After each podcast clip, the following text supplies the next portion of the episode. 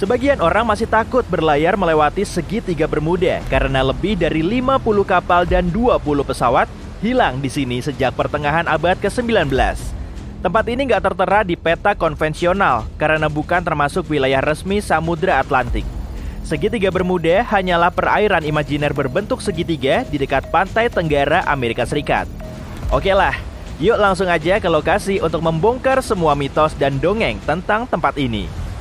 Teori paling populer mengungkapkan kota kuno Atlantis pernah berada di bawah Bermuda. Peradaban di kota ini tergolong paling maju di antara seluruh umat manusia di bumi. Sejumlah kristal misterius juga terpasang di sini untuk menyuplai energi tanpa batas di seluruh kota. Tapi kemudian, kota itu tenggelam dan reruntuhannya masih teronggok di dasar Atlantik. Di antara reruntuhan itu, sejumlah kristalnya masih berfungsi loh. Makanya, sebagian besar Atlantis cuma tinggal nama, kristal bisa sewaktu-waktu melepaskan berkas energi ke permukaan air, lalu menghentikan fungsi perlengkapan elektronik pada pesawat dan kapal. Gak ada fakta yang mendukung teori ini sih, tapi dulu seorang penulis pernah mengarang cerita ini dalam buku tentang segitiga Bermuda, dan sejak saat itu dia mendapat dukungan dari sejumlah orang. Dan memang fungsi peralatan elektronik di area ini jadi nggak karuan, Astronot dari Stasiun Luar Angkasa Internasional mengamati medan magnet bumi di kawasan segitiga Bermuda melemah. Medan magnet ini berfungsi sebagai perisai yang melindungi kita dari radiasi matahari. Di atas segitiga Bermuda, partikel sinar matahari bergerak lebih cepat daripada area lain di bumi. Akibatnya, fungsi peralatan elektronik satelit jadi nggak stabil saat berada di atmosfer bumi. Tapi, hal ini nggak berlaku bagi kapal dan pesawat. Ada juga teori yang mengatakan kalau segitiga Bermuda menjadi pusat anomali magnetik yang bisa mengacaukan navigasi. Tapi menurut pengecekan peta magnetik yang rutin dilakukan di kawasan ini, gak menunjukkan masalah apa pun. Kamu sudah sampai di lokasi. Airnya sangat tenang tanpa badai. Saat kamu ngecek kompas, jarumnya bergerak gak karuan. Duh, gawat. Kejadian juga nih. Karena sudah kepalang panik, kamu langsung memutar roda kemudi kapal agar bisa menjauh. Tenang, gerak kompas yang nggak bisa dikendalikan ini sudah ada penjelasannya kok. Lain dari biasanya, di segitiga Bermuda, kutub utara sejati dan utara magnetik saling berhimpit. Utara sejati adalah kutub utara geografis bumi. Sedangkan utara magnetik menunjukkan ke kutub magnet utara yang arahnya berubah-ubah di seluruh dunia. Terkadang, kedua kutub ini saling berhimpit, dan garis lurus yang menghubungkan utara dan selatan disebut garis agonik di garis ini, gerakan kompas menjadi aneh dan jarumnya nggak menunjuk tepat ke arah utara. Coba bayangin, kalau kamu jadi kapten kapal yang berlayar di segitiga Bermuda pada awal abad ke-20.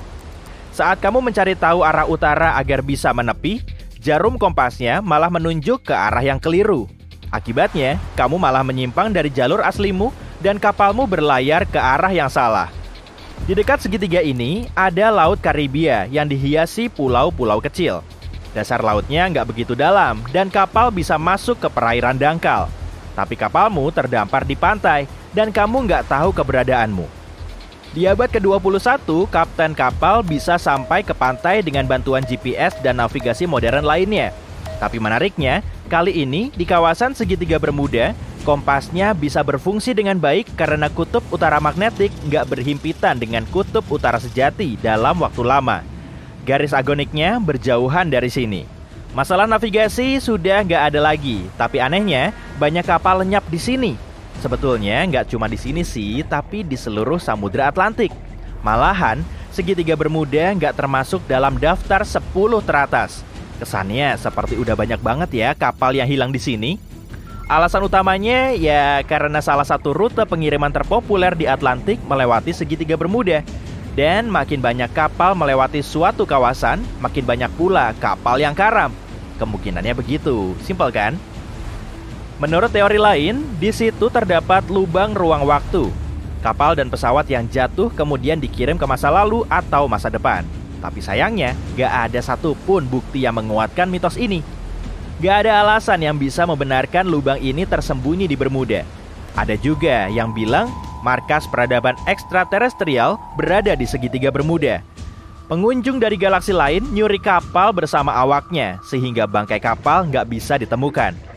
Mitos populer ini juga nggak bisa dibuktikan secara ilmiah.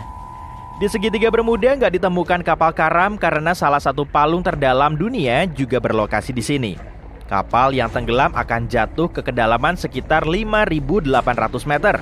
Tekanan dan kedalaman segitu pasti bikin para pencari kapal jadi kesulitan. Selain itu, di dekatnya ada palung Puerto Rico yang kedalamannya mencapai 8.000 meter di beberapa titik. Konon, Kraken hidup di segitiga ini Si cumi-cumi raksasa diyakini bisa menenggelamkan kapal dan namanya telah melegenda di kalangan para pelaut. Tapi habitat cumi-cumi raksasa memang di kedalaman laut dan ukurannya bisa sebesar gerbong kereta. Sampai saat ini belum ada satu peristiwa pun yang mengisahkan cumi-cumi telah menenggelamkan kapal besar. Di kawasan segitiga Bermuda saja, cumi-cumi raksasa belum pernah terlihat. Lagi pula, orang-orang di zaman dulu nggak pernah tahu kalau makhluk ini memang ada dan saat pertama kali melihatnya, mereka menggambarkan makhluk ini sebagai monster besar yang mengerikan. Cumi-cumi raksasa termasuk hewan paling misterius di bumi, dan para ilmuwan harus menggunakan peralatan sonar untuk mendeteksinya. Hewan ini banyak menghabiskan hidupnya di kedalaman laut yang gelap dan pastinya akan takut saat mendengar suara kapal. Hipotesis yang paling realistis terkait misteri segitiga Bermuda yaitu metana. Akumulasi metana banyak ditemukan di dasar perairannya. Dari situ, metana dilepaskan ke air. Agar cepat naik ke permukaan, wujudnya harus berupa gelembung. Kemudian, gas ini membuat airnya bergolak dan menghasilkan ombak yang bisa menenggelamkan kapal.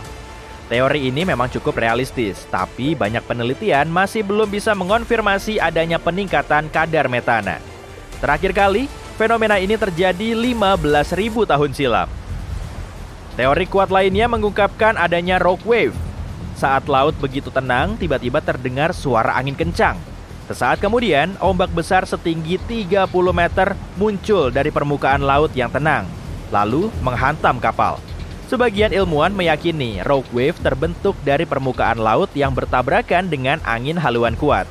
Ada versi yang mengklaim ombak ini terbentuk akibat pertemuan arus hangat dan arus dingin. Tapi teori yang paling menarik menjelaskan Ombak ini terbentuk oleh kinetic vampirism. Pada kondisi alam tertentu, ombak bisa saling bertukar energi kinetik. Dan di antara semua ombak akan ada satu ombak vampir yang menyerap energi dari ombak lain. Saat energi yang terkumpul sudah cukup, ombak vampir akan melepaskannya. Karena inilah hempasannya sangat kuat dan bisa melenyapkan kapal secara tiba-tiba. Fenomena ini terjadi di semua lautan di dunia, tapi nggak ada fakta yang bisa membuktikan kalau rock wave paling sering terjadi di segitiga Bermuda. Kalaupun memang ada, rock wave nggak akan muncul saat lautnya tenang. Alasan utama dibalik lenyapnya banyak kapal di segitiga Bermuda yaitu lautnya sangat bergejolak. Di situ sering terjadi badai karena Kepulauan Bermuda merupakan area bertekanan tinggi yang bisa mengalihkan badai menuju segitiga. Ombak besar bisa membalikan kapal, sementara petir dan kilat bisa mematikan peralatan elektronik pesawat. Gak ada yang misterius sama sekali. Badai dan kapal hilang juga terjadi di lautan lain, tapi banyak legenda hanya terpusat pada segitiga Bermuda. Kejadiannya bermula sejak pertengahan abad ke-20. Saat itu, buku yang mengisahkan Atlantis terletak di perairan segitiga Bermuda baru dirilis. Meski bukti kebenarannya enggak ada, orang-orang sangat menyukai teori misterius ini, sehingga mulai memoles ceritanya dalam tanda kutip.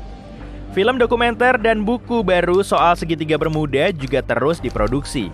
Tiap materi yang menggambarkan sifat fantastis segitiga ini nggak berpegang pada fakta, melainkan cuma teori, buku, dan film lain. Nah, saat suatu topik bisa mencuri banyak perhatian, di situ juga ada banyak cuan. Para pembaca pun menikmatinya dan penulis bisa mendapatkan hasilnya.